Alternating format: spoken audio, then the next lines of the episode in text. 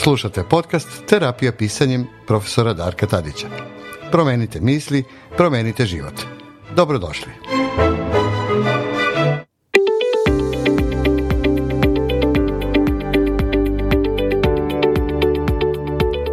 Dobar dan i dobrodošli na novu epizodu terapijskog pisanja. Danas je moja draga prijateljica opet nama gost, Ana Kolar iz Zagreba. Ana, zdravo. E, dobar dan, zdravo svima. E, danas, Ana, dogovarali smo se da otvorimo jednu interesantnu temu e, koja se zove, da je zvanično naglasim, da li nam je potreban terapeut?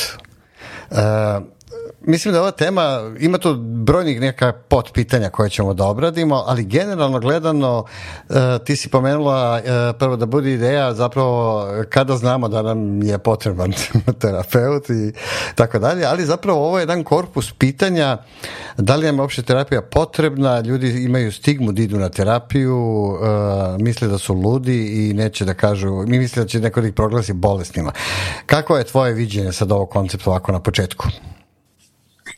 Eh, ja se s tim susrećem svakodnevno, pogotovo kako sam se ponovno aktivirala i angažirala zadnjih jedno, dva, tri tjedna. Ja ne znam, ja mislim da sam slala kontakte za terapeute u, eh, Beogradu, u Karlovacu, u Rijeku, ne znam, ono, u više zemalje, i više gradova. Eh, i, I bez obzira što su se ljudi sami javili da im treba terapeut, Znači ono, imaš li nekoga za preporuku i dalje ima nekakvog odboja. Znači i dalje oni nisu još 100% na čistu da žele to sebi u životu. Da, e, ideja da se uopšte ide, kad čovjek kaže ide na terapiju, odnosno na psihoterapiju, odmah se pomene zapravo ideja da treba da se ide kod psihijatra, a to znači da treba neko da ide u ludnicu, odnosno da će negdje da ga zatvore, odnosno da će tamo da mu ne znam šta rade na glavi i u glavi i da će na kraju on tako eto da bude ludi bolestan i da će okolina da ga prezire i on neće moći da se zaposli, neće moći da nađe devojku, ćemo znači, i tako to. Da, knjiga stigmi ide uvijek uz to. Znači doslovno jedna knjiga, barem jedna, možda i više, možda cijeli set knjiga. Ovaj, jedna zanimljivost, jedan od tih kontakata, znači jedan od osoba se javila da treba terapeuta, odnosno da želi, da ga zanima. I ovaj, eh, uh, terapeutkin je rekao, pa što nije dovoljno da dođem jednom. Da, da li ja to mogu razmišljati samo jednom? Ovaj, to je jedno, ono kada je na šivanje. Da, da, normalno, onako, daći dakle, mi tamo neke pilule, možda da Da Ma ne, ne, ne, ne, to je samo da se jednom porazgovaramo i to je onda to. Aha, da, kao tu smo završili priču, jel, dalje da. ne moram. Dobro, to je jedna vrsta klijenata. Dakle, druga vrsta klijenata razume da, recimo, to jeste nešto korisno, u stvari e, idem tamo da me oni poprave. Znači, to je ideja. E, e, znači, osoba smatra da je ona u nekoj vrsti kvara, znači, kao kad odeš, kao kad se auto pokvari pa odeš kod hančara. Kao kad imate pokvaren zub. Jeste, i sad tamo neko će te popravi. Ja imam jednu anegdotu iz moje prakse, imao sam jednu klinkinju koja me, e, kad smo se čuli na konsultacijama, onim prvim, sve njoj lepo to što sam ja rekao o terapiji pisanjem i tako dalje, ali me ona pita a da li ja mogu njoj da dam granču ja sam malo onako zatečen pa pitam kako mislite, kakvu garanciju? Pa kao garanciju da ja, posle, da ćete ti mene popraviti posle, ne znam, ne znam, šest meseci i da, i da ću ja da budem ko nova. Kažem, ja, znate što rekao gospodin? ja nisam mehaničar ni majstor, ne mogu da dam tu vrstu garancije, ali ako se spremni da Niti mađioničar. Da, niti mađioničar, tako da, znači, to je jedna druga vrsta klijenata mm. koju očekuju da zapravo ti kao terapeut reši sve njihove probleme. Znači, da im ti zapravo završiš. Da, to su oni klijenti koji su ovaj, e, nesjesni da je rad zapravo većinski njihov. Da. da je terapeut i terapija i pa i lijekovi, da su to samo pomagala na putu koji njima jel, pomažu da bi se oni izvukli iz nečega.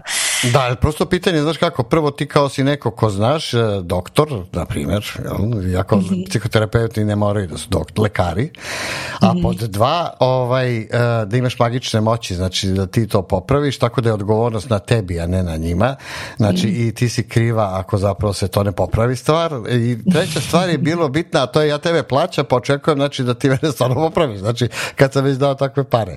Ovaj, e, ti neki mitovi, znači to generalno da li meni uopšte terapija treba, pa ako zaključim da mi treba, onda idu obično ova pitanja. E, iz moje prakse znam da je vrlo mali broj ljudi zapravo svestan da je to zapravo jedan zajednički rad gdje zapravo ti vučeš kola najviše jel, kao klijent, a ovaj terapeut tu služi zapravo ti otvori neke stvari, e, usmeri, e, mhm.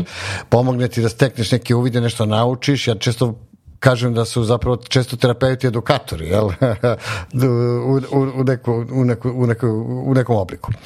Tako da, mhm. e, pitanje zašto meni treba, kad se ti, kada recimo si upala u svoje lične probleme, e, mhm. kako si došla na ideju e, da tebi uopšte treba terapeut? Jer si prvo probala sama, kako je išao proces? E, nisam, e, ja sam samo probala dokučit što je. Znači nisam ja probala samo sebe liječiti nego sam ja samo probala e, i uspjela sam naći uzrok.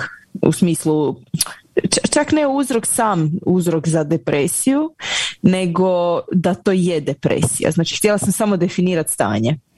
I to sam ja napravila sama uz pomoć literature i ne znam, nešto malo interneta, govorimo o 2010-2011. godini ali ovaj, ja ni jednom trenutku, možda zato što sam ja e, tada u tom trenutku željela upisati medicinu i onda meni to ništa nije bilo strano, znači meni medicina, sva polja medicine su tada bila zanimljiva i, i danas su mi ovaj, i onda ja nisam bježala od mogućnosti psihijatra, psihoterapeuta ili takvog nečeg jer je meni to bilo normalno i meni je to dan danas normalno, znači meni je to kao i odlazak bilo kojem drugom e, vidu doktora, znači ja tu ne vidim ništa niti sporno, niti biti e, sramotno.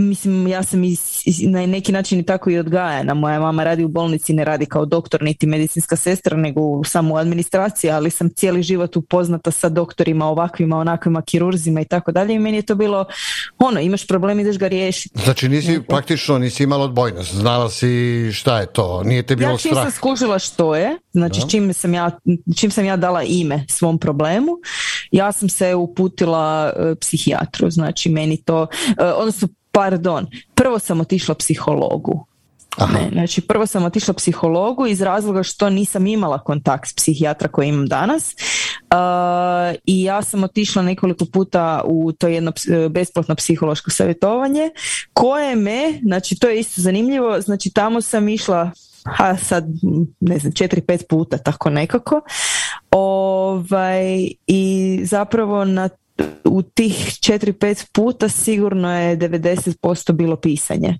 Ona je mene tražila da ja zapisujem i da pišem svoje misli. Da da e, da, da, znači ono, terapija pisanjem na neki način i o, ne na neki način nego jest i vođenje nekakvog dnevnika, to nije ono dnevnik u onom smislu E, e, kako je to u ne znam, filmovima i serijama napisano ono, na večer, ja napišem što sam sve danas radila, bla, bla, bla, nego jednostavno... Ovo je pravi terapijski dnevnik praktično zapisuješ misli svoje, svoje neke dileme, tako je, da, da, bez forme, bez e, nekakvih pravila i tako dalje, znači tad sam se ja već susrela, s tim govorimo o kraju 2011, prije 11 godina. Dobro, u principu znači ta prva odluka da si ide kod terapeuta kod tebe bila relativno znači bezbolna, ti si to mhm. shvatala kao normalan koncept e, iz razloga koje si rekla, ali opet vidiš ima ljudi koji recimo e, sretala si ljude sigurno koji imaju strah. E, šta im govoriš o tom trenutku ili imaju odbojnost da uopšte idu kod terapeuta? Šta im kažeš tada? Pa prvo ih pitam zašto se toga boje. I onda kada kužim da, kada, kada iz razgovora, iz, odnosno iz odgovora njihovih shvatim da se oni boje zato što ne znaju što se tamo događa, znači manjak informacija i, e, i višak krivih informacija što iz medija, što iz nekakvih tuđih e, krivih iskustava ili krivo interpretiranih iskustava, onda im objasnim kako cijela procedura ide u smislu kako je kod psihologa, kako je kod psihijatra, kako je kod ne znam gestalt terapeuta i tako dalje. što sam ja probala i, i čula sa strane, odnosno od, od stručnih ljudi u smislu kako njihov e, e, kako njihova seansa, njihov sat izgleda. Pa im onda probaš to približiti u smislu da, da im to ne bude toliko strano, da mogu na tom jel nekakvom e, e, znanju stvoriti nekako ajmo reći, nije to kritičko mišljenje jer zapravo ne možeš ti imati kritičko mišljenje dok nemaš samo iskustvo, ali barem imaš više informacije nego što si imao prije nego što si me to pitao. Jer velim, najčešće se oni boje takvog nečeg zato što nemaju pravodobne informacije.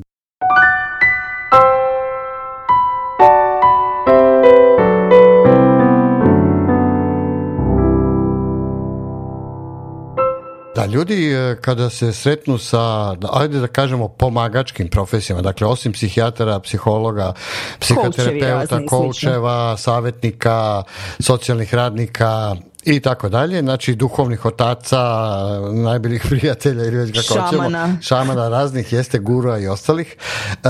E, generalno gledano, e, koja je zapravo razlika između e, psihologa, psihoterapeuta i psihijatra e, i e, da li uopšte to treba da bude neki kriterijum kada čovjek, kada osjeti potrebu da ode po, i po pomoć negde i naravno ideje samo pomoći generalno, jel, znači kao četvrte, mhm. četvrte recimo da kažemo dimenzije koja je tu, š, koja je razlika između ovih zapravo pomagača, odnosno profesija i kako tu odabirati, kako si ti tu odredila šta ćeš i kuda ćeš? E, kako sam ja tada imala koliko 21, 22, 3 godine, tako nešto. Onda nisam bila nešto financijski dobro potkožena, ali sam imala neke svoje financije. I onda sam, e, ovaj, to mi je bio, ajmo reći, prvi kriterij, mada velim, ja sam imala i uh, odmah u glavi i imala sam i kontakt maminog psihijatra tako da nije meni bilo nedostupno otići kod psihijatra koji je besplatan, e, država ga jel može financirat. naravno ima i privatnih. to je, ja mislim, mislim da možda ne u mom slučaju, ali u većini slučajeva je taj financijski kriterij ono što ih nažalost rekla bih e, prvo ovaj um, usmjeri ka nekome.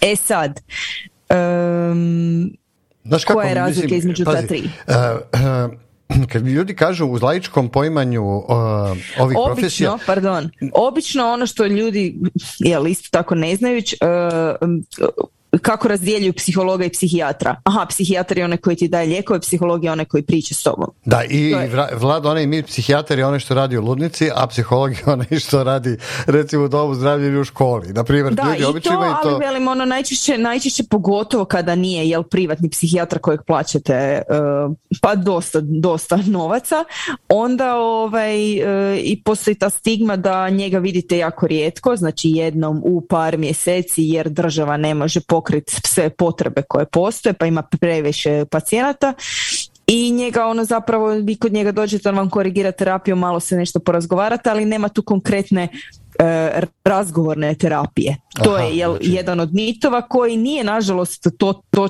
totalno promašen, ali ovaj opet ne znači da su svi psihijatri takvi.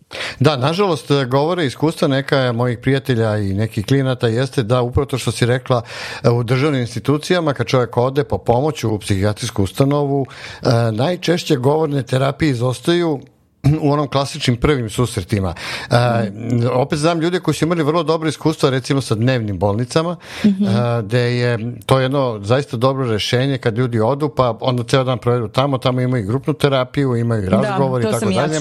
Jeste i to je onako poprilično dobra priča, ali često kad ode čovjek individualno ovako, ja sam recimo imao takav jedan susret kad sam imao jednu krizu u životu i kad sam otišao ne znajući gdje ću prvo, ajde prvo u dom zdravlja mhm. kod psihijatra, on me čovjek tamo sačekao, dao mi lekove, otprilike 10 minuta sam prvo unutra i rekao, rekao znate što, ovo je trijaža, a vi ako nešto ozbiljnije hoćete, dođite kod mene privatno. Tako se e moj da, susret znači završio, znači, sa državnim ovaj, e, ustanovom. E, ali dobro, generalno, znači, mi danas imamo zapravo i psihijate koji su i psihoterapeuti, dakle, prednost njihova je što mogu da daju i lekove, jel, i da kontrolišu i kemoterapiju, hemijsku terapiju, odnosno lekove i da vode psihoterapijske seanse, a opet naravno imamo i, da kažemo, čisto psihoterapeute koji su završili razne modalitete i bave se psihoterapijom. Imamo psihologe koji rade, dakle, i kao savjetnici, jel? I e, kao psihoterapeuti, i znači, si svi još dodatno jel, plate tu edukaciju, sad koja vrsta psihoterapije. Tako je. Ono što je bitno za reći, znači ono, e, sad ima, neki dan me upoznala isto tako jedna iz Beograda me upoznala sa uh, emocionalno behavioralnom terapijom. Mislim da je, ne, uh, tako nekako, REBT. A REPT jeste, racionalno e, emotivno behavioralna terapija. Tako je, da. Mislim, to je behavioralna terapija. To je koji svaka druga, mislim, u smislu, ima puno vrsta terapija i bit će ih još. Znači, to je neupitno da će ih se napraviti još podvrsta, ali svima je svrha jedna da se čovjek osjeća bolje. Tako je. Čak i kada recimo ljudi se odluče za neku vrstu samoterapije, recimo, e, postoje brojne, dakle čitava jedna industrija samopomoći zapravo mhm. postoji, mm-hmm. pišu je i terapeuti koji imaju svoje škole, pišu i ljudi koji su iz potpuno drugih pravaca došli i nude neku vrstu pomoći, recimo meni se jako sviđa ova filozofska egzistencijalističko terapija uh, e, e, onog, onog Marinofa recimo i tako dalje. Znači postoje razni neki pravci, stvarno čovjek može da, iz, bira, ako bih mogao tako da kažem poprilično Da, da, da, kao što birate ne znam trenera i vrstu treninga na koji ćete ići što se tiče tijelovježbe, tako možete i ovo odabrati. E, svako može naći terapiju za sebe. Znači, toliko ih ima, toliko ima različitih e, smjerava i pravaca da uopće nije e, nemoguće ne pronaći nešto za sebe.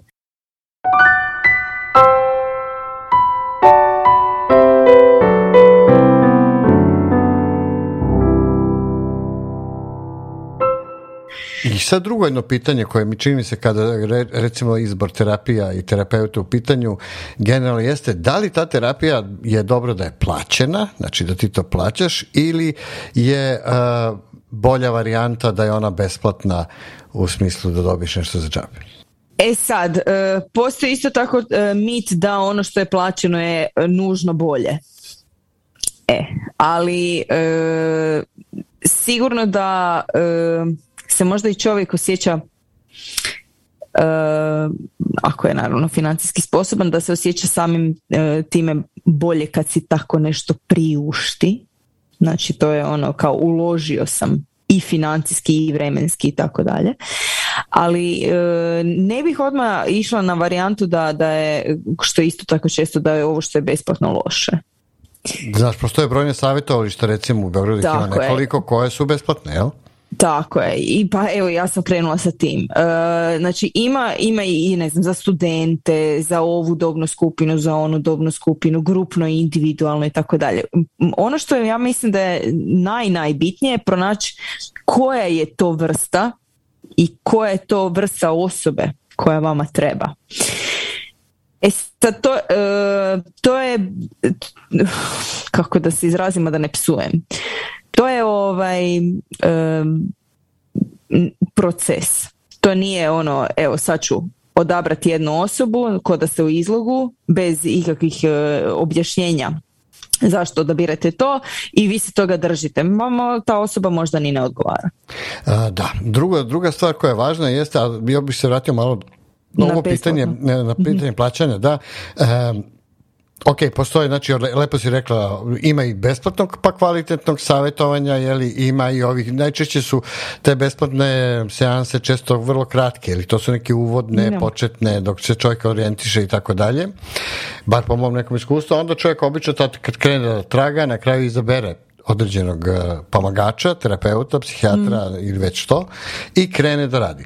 A, kad se što se plaćanja tiče, e, često sam čuo od mojih prijatelja i klijenata e, da kada treba da se plati, recimo imaju dilemu da je najbolje da ti to platiš sebi sama, da tebi drugi to ne plati. Da je to isto vrlo značajno. Da, pa, to je, to je taj moment, znači ti si sam sebi nešto omogućio. Kad mi netko kaže, znači daleko od toga da ima i skupih seansi skupih eh, terapeuta i skupih psihologa i psihijatra. Znači to uopće nije upitno. Ima, postoji rang od do.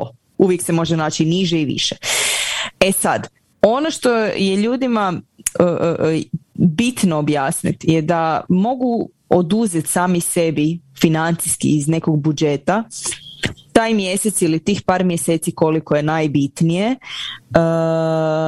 od nečeg drugog Znači, taj si mjesec ne morate kupiti nešto, ne znam, tenisice ili novi mobitel e, ili tako nešto, nego radije uložite taj novac u ovo.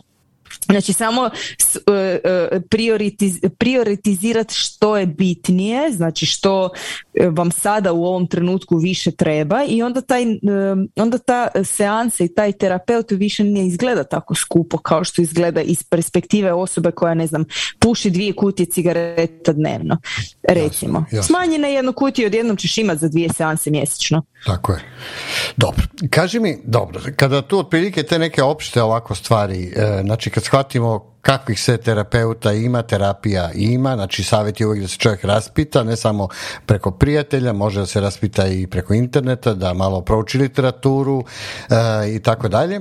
Dođe vreme, dođe ono čujeno pitanje kada je vreme da počnem sa terapijom.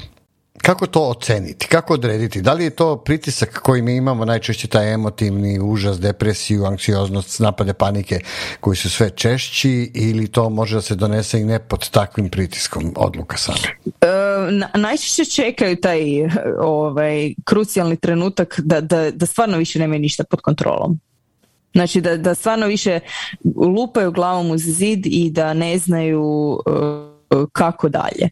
E sad... E, kako je kod tebe bilo? Ovaj, kako si ti donela odluku? Jel si to kad si upala počela padaš u krize? Mhm. Kad je to tad već bilo jasno da neke stvari su se otele kontroli ili si to donela hladnije, racionalnije? Ne, ne, bilo je, znači kod mene je konkretno bio pokušaj suicida i ja sam iduće jutro rekla da ja, ja to više sama ne mogu, znači ja sam samo i sebi na taj način osvijestila da ja nisam sposobna uh, i nemam alate uh, hladne glave ovo sagledat i, i napraviti nešto bez nekoga tko će to, uh, tko će to objektivno pogledati i reći što je. Znači, zašto se ja osjećam tako kako se osjećam, e, zašto, ne znam, e, radim kroz dan stvari koje radim, a meni su tada u tom trenutku bile neobjašnjive, jer vi ste u jednoj koži i vi, ne vi imate samo jednu vrstu perspektive, odnosno samo tu jednu, e, jedne naočale koje imate na glavi i vama treba netko izvana koji će vam ukazati na nekakve možda stvari koje vi sami ne vidite. I ja sam tu, velim, možda i zato što sam stvarno voljela medicinu i ja sam tu mm, bez imalo razmišljanja da postoji neka druga opcija. E, kažem, možda i 2011. nije bilo niti toliko koučeva, niti ničega, niti je bilo dostupno, niti je bilo toliko samo pomoći što se tiče nekakvih knjiga ili neke druge vrste literature. Tako da sam ja stvarno ono, odlučila to kao što sam odlučila što ću sad obući. I tako si počela praktično. E, si da, otišla po preporuci nekog ili si kako išla? Ili si našla na internetu A... ili... Kako sam ja za to savjetovalište saznala i ja zbilja ja mislim da sam ja to našla na nekakvim uh, stranicama za studente ili tako nešto. Jer to je bilo za mlade ili stvarno se ne, ne mogu sjetiti. To, to sam znači sama nekako iskopala. Uh, a psihijatricu kod koje idem već godinama sam upoznala na poslu i uh, sve ostalo sam isto tako ili, ili preko preporuke ili, uh, ili bi ja jel, već sam u tome neko vrijeme pa onda znam gdje trebam googlat, e, koga trebam pitati ili baš psihijatricu svoju pitam e, za neku preporuku i tako dalje recimo isto ono što se e, ne zna a to je da vi imate pravo besplatno preko jel, državnih institucija i na psihologa, ne mora to nužno biti samo psihijatar, ima i psihologa ima i socijalnih radnika ima grupnih individualnih terapija tako da obično u jednoj ustanovi ima barem 3-4 raz različite jel, e, kategorije e, savjetnika.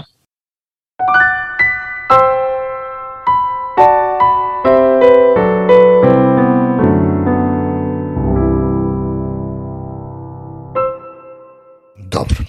E, kada, jedan od načina, odnosno jedan od odluka u procesu donošenja odluka jeste i to da li je terapeut treba da bude muškog ili ženskog pola. To isto sam čuo i od, vidim kod dosta klijenata, čak i pa recimo i po forumima se o tome dosta raspravlja, e, šta kome više paše, da li žene vole više da idu kod muških terapeuta i obrnuto, i da li to ima neke veze, kako je tvoje iskustvo? E, ja sam to doslovno sad tek prvi put e, čula kad ste, kad ste mi poslali pitanja za ovaj podcast.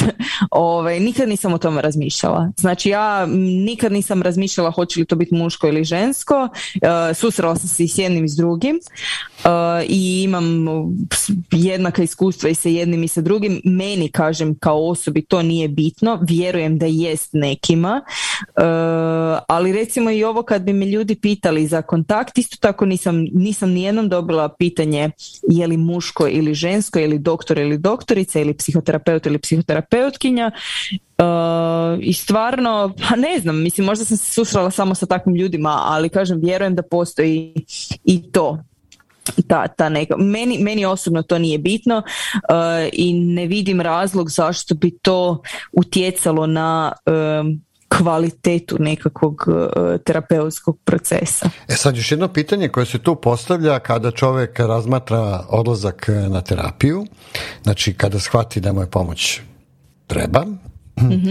e, kod kog, kod kog, kod koje vrste terapije, ko, koji modalitet terapije, da, da li to gestalt, da li je to psihodinamska, da li je to transakcija? E, to je, znači to je ono, Tu sad dosta ima lutanja, pošto e, pretpostavljam naravno da klijent nije, dakle, edukovan i zna uopšte bilo šta o bilo kom modalitetu, barem sigurno ne e, u detalje, kako, mhm. da li to rept, recimo, i tako dalje, mhm. kako čovjek da se ovaj, zapravo opredeli koju vrstu psihoterapije treba da pohađa? Aha, mislim, moj neki savjet je da kad već znaju što im je, znači nakon nekakvog, jel to samo, otkri, e, samo otkrivenje ko što sam ja sama sebi našla e, depresiju, e, i kad odu na, na prvi razgovor, ili kod psihologa ili kod e, psihijatra, obično je jedno od toga dvoje, ne idete vi, e, rijetko ko ide odmah nekakvom kouču, mislim, ne znam, ali kažem, najčešće su ove dvije instance,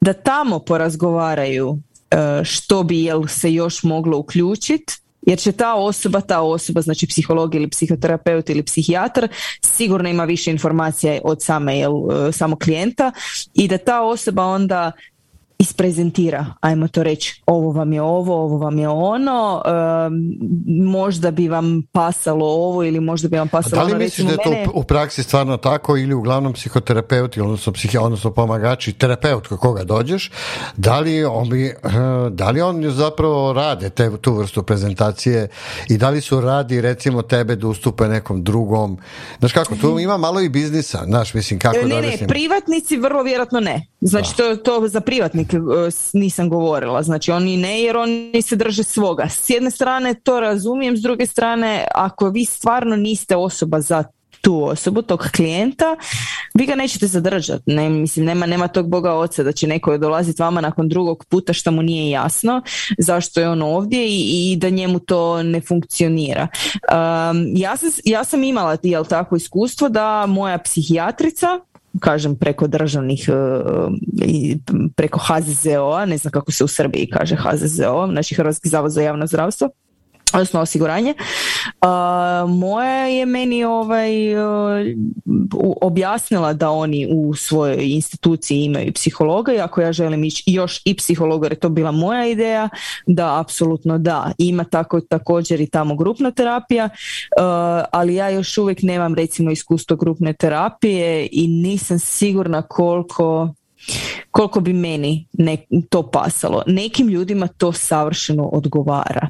Znači, kažem, da, kad kažeš grupna terapija, to je vrlo interesantno, da, da li individualna ili grupna, što kažeš, neki mhm. ljudi preferiraju da idu na grupnu, udobnije im je tamo, pa možda kasnije opet odu na individualnu i obrnuto. Da.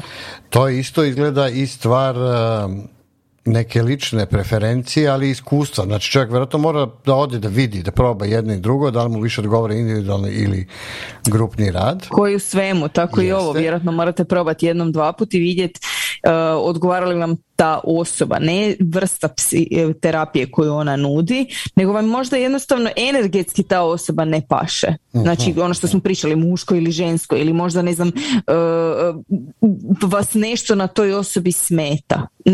može biti banalna stvar, da li ali misliš... jednostavno morate...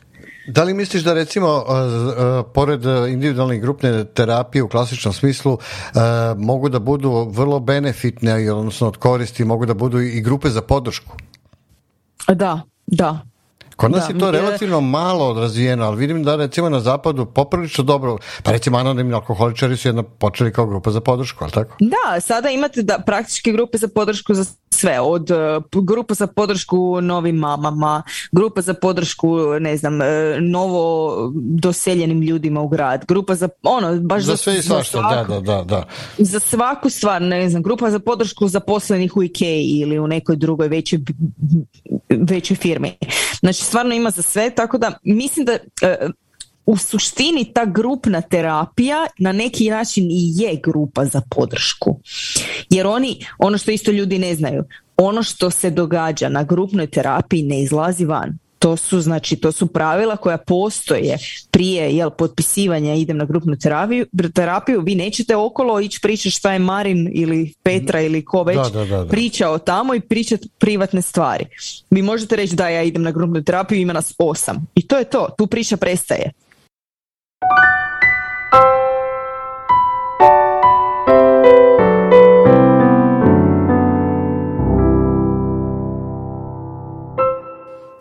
Dobro. E, jedno od pitanja kada e, se bavimo izborom e, terapije, prvo dakle odlukom da li uopće da idemo na terapiju, a onda kad donesemo odluku da nam to treba, pa pokušamo da izaberemo sad terapeuta o ovome što smo malo prepričali. I sljedeće mhm. neko pitanje zanimljivo jeste koliko terapija treba da traje. Mi znamo iz filmova i nekih mitova popularnih eh, da mnogi ljudi imaju svog doživotnog šrinka, kako to vole da kažu amerikanci. Znači da imaju doživotno da idu na terapiju. Ja čak znam i neki ljudi koji po više desetina godina idu na terapiju u raznim oblicima. Kakav je tvoj stav prema tome? E, ja imam godinama e, svoju psihijatricu i do daljnjeg ju ne mislim mijenjat, ali negdje sam, e, sad i stvarno bi lagala gdje sam ja to pročitala, ali kao i kod svih doktora koje imamo, znači no, doktor opće prakse, doktor zubar ili tako dalje, postoji nekakva preporuka da nakon određenog vremena to mijenjamo. Znači, zašto te pitam? postoji jedan od mitova koji e, kruži medijima i popularnom literaturom je da zapravo terapeut vremenom postane plaćeno društvo. Znači, mnogi ljudi e, recimo... E, da, štaka. Da, štaka da biste hodali. Jeste, znači, ili prosto, znaš kao, ima puno mnogo usamljenih ljudi koji ne mogu zapravo da otvore sebe nikome, čak ni prijateljima nekim malobrojnim, čak uopšte ako ih ima. Mm. I onda im je terapeut zapravo zamena za, za tako nešto. Za društvo. Tako je, dobiju tamo utehu, dobiju razumevanje i to je to. Šta ti, kako ti gledaš na to? E, jako je teško ovaj, to e, razdvojiti.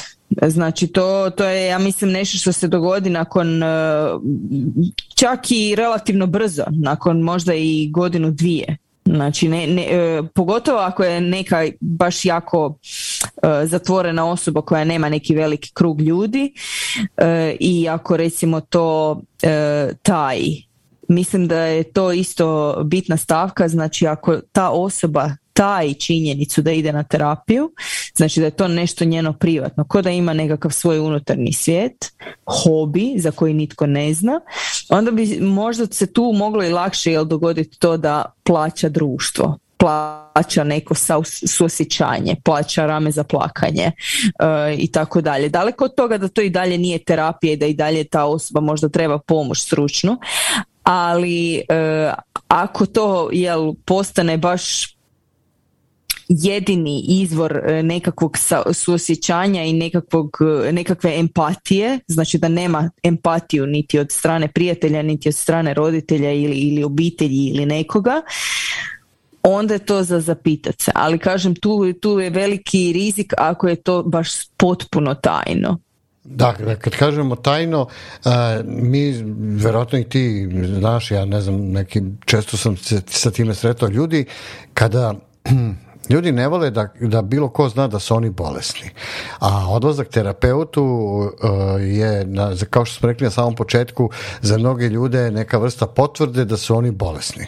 Tako, I svi imaju ovaj... I da e, imaju problem. Tako je i svi onda oni, svi mi zapravo nekako, to je neki kod u, u ljudskoj vrsti, to sam primetio, zaista toga mnogo ima. Uglavnom ljudi kriju kad su bolesni, jel tako? Niko to mhm. ne bi trebalo da zna, jer su tad verovatno slabi, jel? Pa kad si bolesni, mm tad si slaba, onda si ranjiv, kad si ranjiv, onda si moguća laka žrtva e, za razne, ne znam već šta, jel?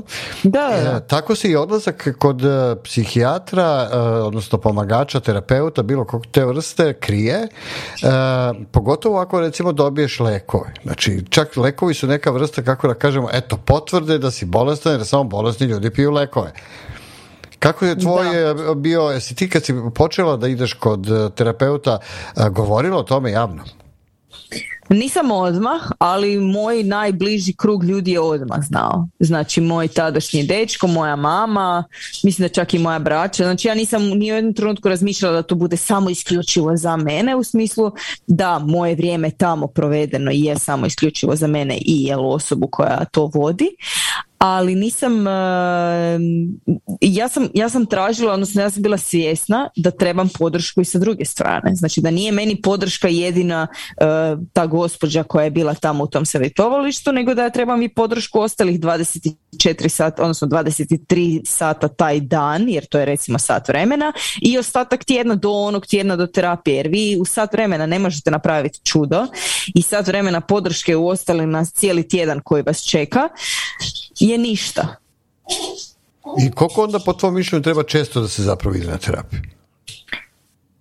Uh, Mnogi kažu jednom nedeljno, jednom Pa obično je jednom tjedno ono nekakav normativ. Uh, najčešće nije, osim u nekakvim, jel, govorimo o situacijama nekakvih psihoza i, i kad su to, jel, institucionalizirani E, problemi, znači kada je osoba baš u bolnici, to je, to je druga priča, ali ovo kada su znači ipak visoko funkcionalne osobe, samo eto su anksiozne ili depresivne ili nešto slično ili neka kombinacija, onda e, jednom tjednom vjerujem da je sasma dovoljno Uh, ne bih rekla da je češće od toga dobro. Ono što se može je da se kombiniraju dvije različite vrste terapije Ono što sam ja recimo radila je da sam uh, išla jednom ili jednom u uh, dva tjedna, jednom mjesečno ili jednom u dva tjedna, više se ne sjećam, psihijatrici, ali sam onda tražila, jer mi je to bilo prerijetko, ja sam tražila da ja idem jednom tjedno još uz to sve i psihologu. Znači da baš imam razgovor o terapiju, nekakve zadatke ili ne znam, pisanja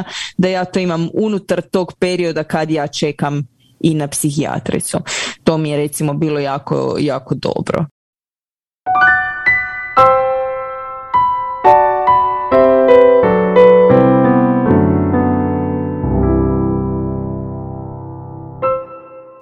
Dobro, e, kada kažemo terapija, da li nam je potrebno? Do sada smo pričali o terapijama koje su, da kažemo, institucionalizovane, odnosno e, etablirane u društvu kao jedan od e, najčešćih pomagačkih opcija koji čovjek ima kada se kada shvati ili kada oseti potrebu da mu je potrebna neka vrsta pomoći, neka vrsta terapije.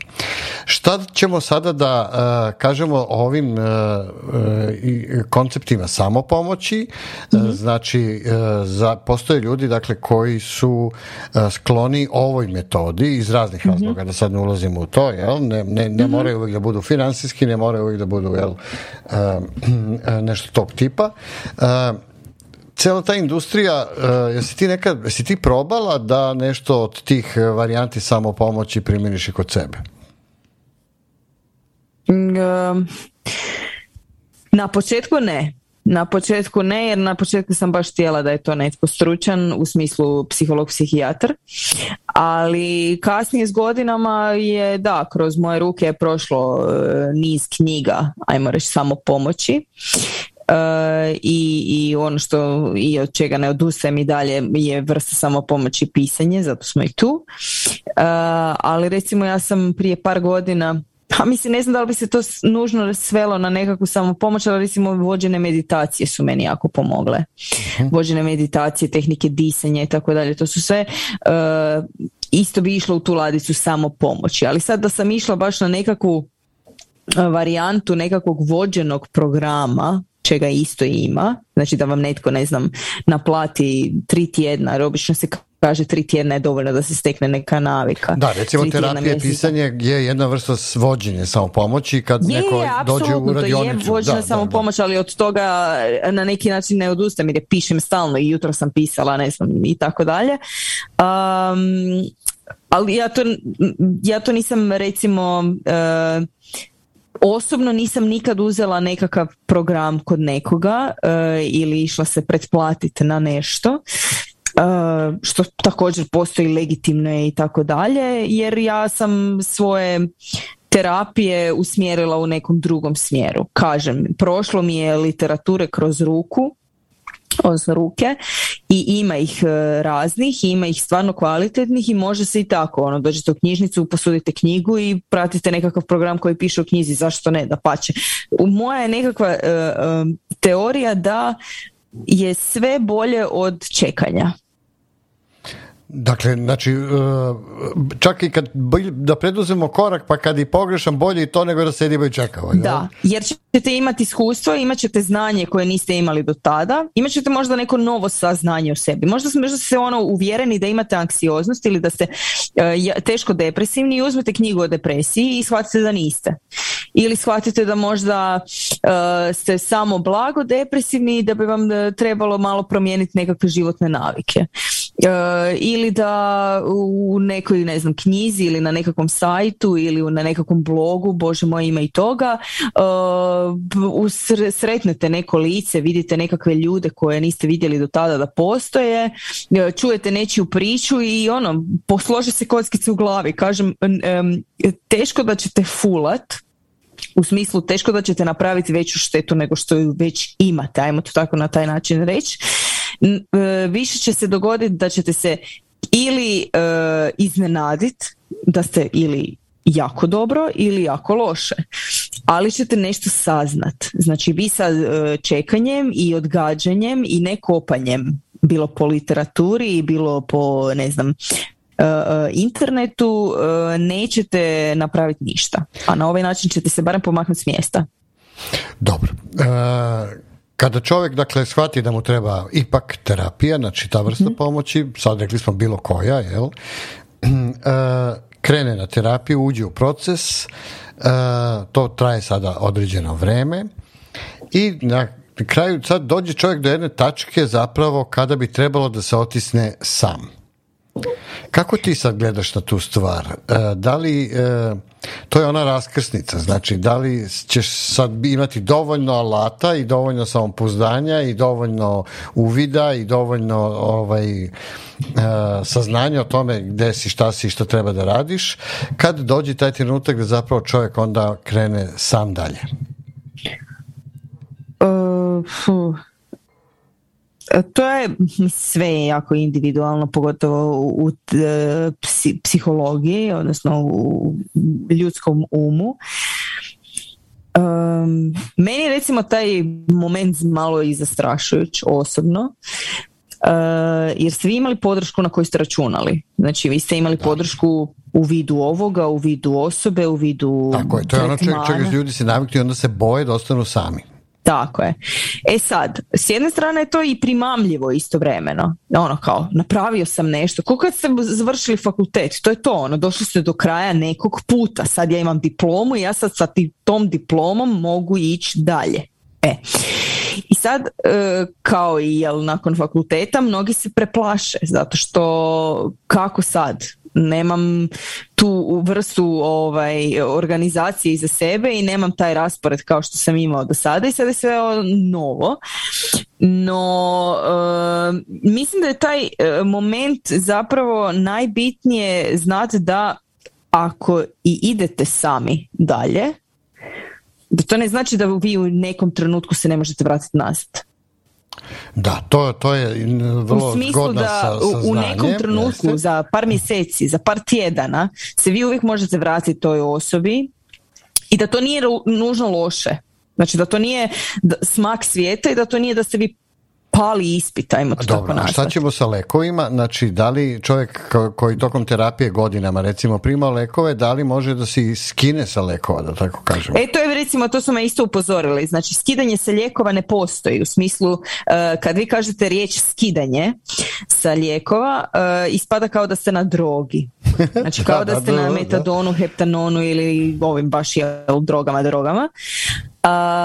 jer to nije, naravno da se postupno smanjuju doze lijekova, da vi nećete ako imate nekakav jaki lijek, e, evo danas ga pijem, sutra više ne. E, kao u ostalom što radite i sa kontracepcijom, kao u ostalom što radite i sa ne znam lijekovima za astmu ili tako nešto, ne, alergiju. Ali da, ovaj- ljudi, imaju tu ideju, znači da li ja onda mogu da i lekove, znači u jednom trenutku kada, životnom momentu, kada prođem određene faze. Da, da li... oni se mogu naći normalno isključiti iz života, da, ali za to mora biti, znači iza toga mora odgovorno stajati osoba koja ih je propisala. Znači vi morate imati, eh, ne znam, eh, eh, prevaziđene sve probleme koje ste jel, imali tokom terapije, jer terapijski proces e, nije linearan i nije cijelo vrijeme e, uzbrdica, nego ima i padnem skroz dolje u podrum, pa se popnem na tavan, pa sam opet malo u podrumu, pa sam negdje na suterenu i tako dalje. Znači to je gore dolje, gore dolje cijelo vrijeme. E, nekad više, nekad manje. Ali isto, isto vrijedi i sa lijekovima. Evo recimo konkretno na mom primjeru, e, ja sam kad sam ja to trebala, prije godinu i pol, malo više, sam ja trebala skroz maknuti lijekove jer je tako je upućivalo na sve. Znači situacija je bila takva kakva je i sve je bilo super i bila sam samo na jednom lijeku nekako minimalna doza, ono zapravo ga više nisam ni doživljavala na taj način, niti ni, nikad nisam imala nekakve nus pojave ni ništa, nego jednostavno ono, nekad bi ga i zaboravila, ono po dan, dva, tri ili ne znam, e, bio je vikend, bio je Božić. E sad šta se dogodilo? Dogodio se potres u Zagrebu dogodio se potres u Zagrebu i dogodilo se da sam ja mjesec dana bila izvan sebe. I meni je drago da ja nisam, znači ne, ne, nedugo prije toga prestala sa lijekovima, jer ja mislim da ja u tom trenutku, sam ja bila potpuno sama u trenutku potresa i e, u trenutku, još su se na to nakalemila i neke druge stvari privatne, i to, to su te neke stvari koje, na koje vi ne možete utjecati. Tako da sa tim treba jako oprezno i ako niste dovoljno jaki, nemate neke druge alate koji nisu samo lijekovi, nego ne znam, meditacija, e, pravilan raspored spavanja, dizanja, obroke i tako dalje, e, tu će vam se vrlo lako poremetiti kemija u mozgu. E i zato su lijekovi tu dobra stvar da se ta kemija jel što manje e, mijenja, ajmo reći stabiliziraju cijelo vrijeme, održavaju nekakav nivo zadovoljavajući i jer šta, danas sutra će se, mislim naravno da neću živjeti na način kao aha sutra će možda biti nešto pa ću ja svejedno ostati na lijekovima. Ne, ovo se samo potrefilo tako vremenski, nema veze. Ali kažem, e, kad je bio moment da ćemo skroz izmaknuti lijekove, meni je to bilo skroz normalno, ono, znači ko, velim, kao da ste završili ispit. Da, e, dobro. E, tvoj savjet za ljude... Ne stvaraju ovisnost. Da. Samo da, znači ne stvaraju ovisnost. Tvoj savjet za ljude koji, e, dakle, razmišljaju o tome da li im je terapija potrebna ili ne, ovako za kraj. Šta bi rekla, da kažem, onako, suma sumarum? Kao kad bi te neko pitao, e, dobro, ja imam neki problem, povremeno plaćam, povremeno sam vesela i tako dalje, nije meni ništa, da li meni, meni uopšte terapija ne treba. Šta bi im ti rekla generalno? Kada su u dilemi ljudi. E, iz iskustva nedavnog e, sa razgovorom e, na tu temu, mislim da kad je, kad je tu nekakva dilema, a da nije dilema koja se može riješiti tipa ne zna jel bi jednu ili drugu vrstu terapije, znači onda objasnite ovo je ovakva, ovo je onakva, tu ti košta toliko, tu ideš ovoliko često, onoliko često, znači nekakvi, ajmo reći, tehnički podaci. kad nema takve vrste dileme, nego je dilema trebam li ići ili ne trebam ići, onda bih čak rekla da ne trebaš jer očito nisi još spreman. Da nije malo to surovo? E, osoba koja želi ići na terapiju, znači osoba koja je svjesna da je to treba, će na to otići bez obzira što mi rekli i ta osoba neće, jer mi se događa sljedeće, znači događa mi se da me iz dana u dan, možda se i vama događalo, iz dana u dan dobivam isto pitanje od iste osobe. I kad se ja potrudim, napišem ne znam koliko dugačku poruku, nazovem, nađem kontakt, znači ja se potrudim, potrošim svoje vrijeme, napravim nešto za tu osobu, ali ona još uvijek ne bi onda ta osoba stvarno ne želi ići na terapiju. Da, znači to je, to je jedna vrsta ljudi. Mhm. Ima ih. Ima onih koji velim njima trebaju tehnički podaci, njima treba potpora, ali oni su već jednom nogom, ajmo reći, unutra. Apsolutno. Znači njima je očito samo hoće li ići, ne znam, na kognitivno behavioralnu, hoće li ići kod psihologa ili psihijatra ili možda mu se ovaj nije baš svidio pa ajmo naći nekog drugog. Dobro apsolutno stoji. Ali osoba koja traži pažnju, ima ih, traži pažnju i iz dana u dan samo kopa, kopa, kopa, kopa, ali se nije makla s mjesta, ta osoba ili još nije spremna znači, za tu terapiju ili Bože mi oprosti, ono samo traži pažnju. Ima da, očigledno dobro si definirala te tipove e, ljudi. E, nažalost, očigledno je da je jedini sigurni pokazatelj da ljudi konačno zaista shvate da im terapija treba je kad dožive slom, znači tu nema greške, jel? E, tada im je to pokazatelj, dakle, da više sami apsolutno ne mogu. E, onda su nivici da zapravo mm, mogu još gore da prođu, jer ako da, da. da mogu Ili kad se dogodi nešto... Jes, da skliznu psihozu ili nešto vrlo opasno, opasnije stanje nego što bi inače bilo, jel? Da, da. Mislim, e, i, fakat tu, tu je i, i teško biti pametan za nekoga, ali ja kad sam sebi tražila ili kad svi sebi tražili tako dalje, ja nisam išla ono 16 puta ispitat e, osobu joj, znaš, ali ovo, ali ono, hoću li ja imat dosije, gdje će to meni pisat. E, mene to ništa nije zanimalo. Mene je zanimala jedna jedina stvar, a to je da se ja osjećam bolje i da se ne osjećam kao što sam se osjećala zadnja tri tjedna identično. I to je jedini, znači to je doslovno jedini put ja želim biti bolje. Znači ja se želim osjećati bolje, ja želim funkcionirati, ja želim obavljati stvari koje sam obavljao prije, ja želim funkcionirati u svom životu više nego što sam funkcionirao zadnjih mjeseci, godina, sve jedno. Znači to je jedini razlog zašto vi ono se usmjerite ka putu terapiji, ka putu nekakvom uh, izlječenju, eh, a ne eh, ono malo ću si porazgovarati s prijateljicom koja za koju znam da ide na terapiju, ali zapravo ja neću ići na terapiju. Da, mislim da si ovo dobro rekla i nadam se da je ova naša današnja emisija Ehm, barem malo osvetilo za naše slušalce koji su još uvijek u dilemi da li njima terapija treba ili ne, da su zapravo malo više osvetila celu priču, da smo im dali neka pitanja i neke, ponudili neke odgovore, eh, da shvate da je pomoć eh, uvek dobro došla, eh, da to nije ništa opasno, da niko, on niko neće imati dosije, da neće biti izolovani od društva i tako dalje, da to danas mhm. je na sasvim zaista normalna priča, da uvek treba da odu da je kod mnogih e, psihijatara, terapeuta i ostalih su često prve te konsultacije i besplatne. Znači može da ode da... Često je prvi put besplatno i ono što isto kao pa joj prvi put sam bio pa nije mi ništa pa ne znam samo mm. smo razgovarali o ja rekao, pa to je prvi uvodni sat, osoba te ne pozna, ne može, e, ono, dolaziš kod tabla raza. Tako je, da treba da se čovjek, dakle, i ipak informiše, jeli, da pročita malo šta su to terapije, da, da i čak i kad odabere terapeuta, pročita malo, svi oni uglavnom imaju i neke tekstove pišu, imaju najčešće izvoje sajtove sa blogovima i tako dalje, mogu da proveri i da vide ekspertize.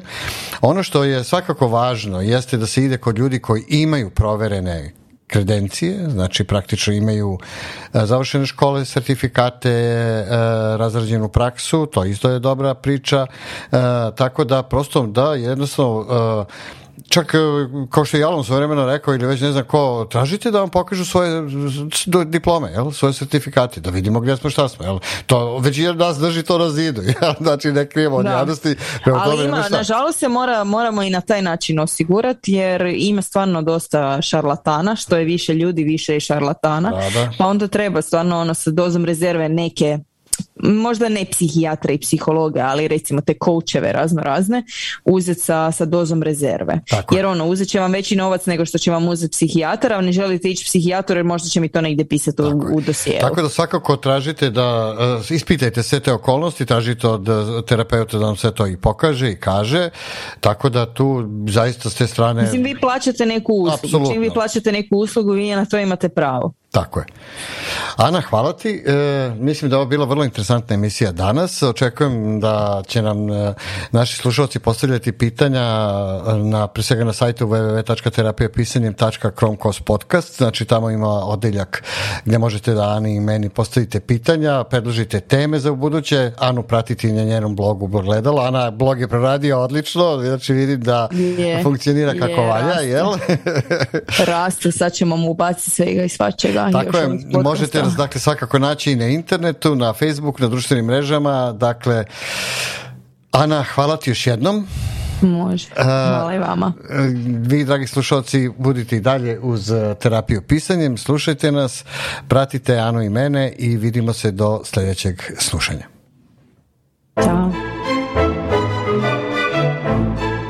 Slušali ste podcast Terapija pisanjem.